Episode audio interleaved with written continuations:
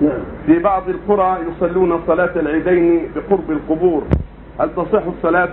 وهناك بعض الأضرحة المنصوبة. فهل يصح هدمها وإزالتها؟ لا إذا كانت المساجد بعيدة عن القبور أو بينها وبين الحي ما يضر. المقابر موجودة في كل مكان. لكن إذا كان بينه وبين جدار حائل بينه وبين القبور كفى. الحمد لله. وإن تيسر إبعاد المصلى عن القبور فالحمد لله. وان ما يتيسر يجعل الحائل ويكفي الحائل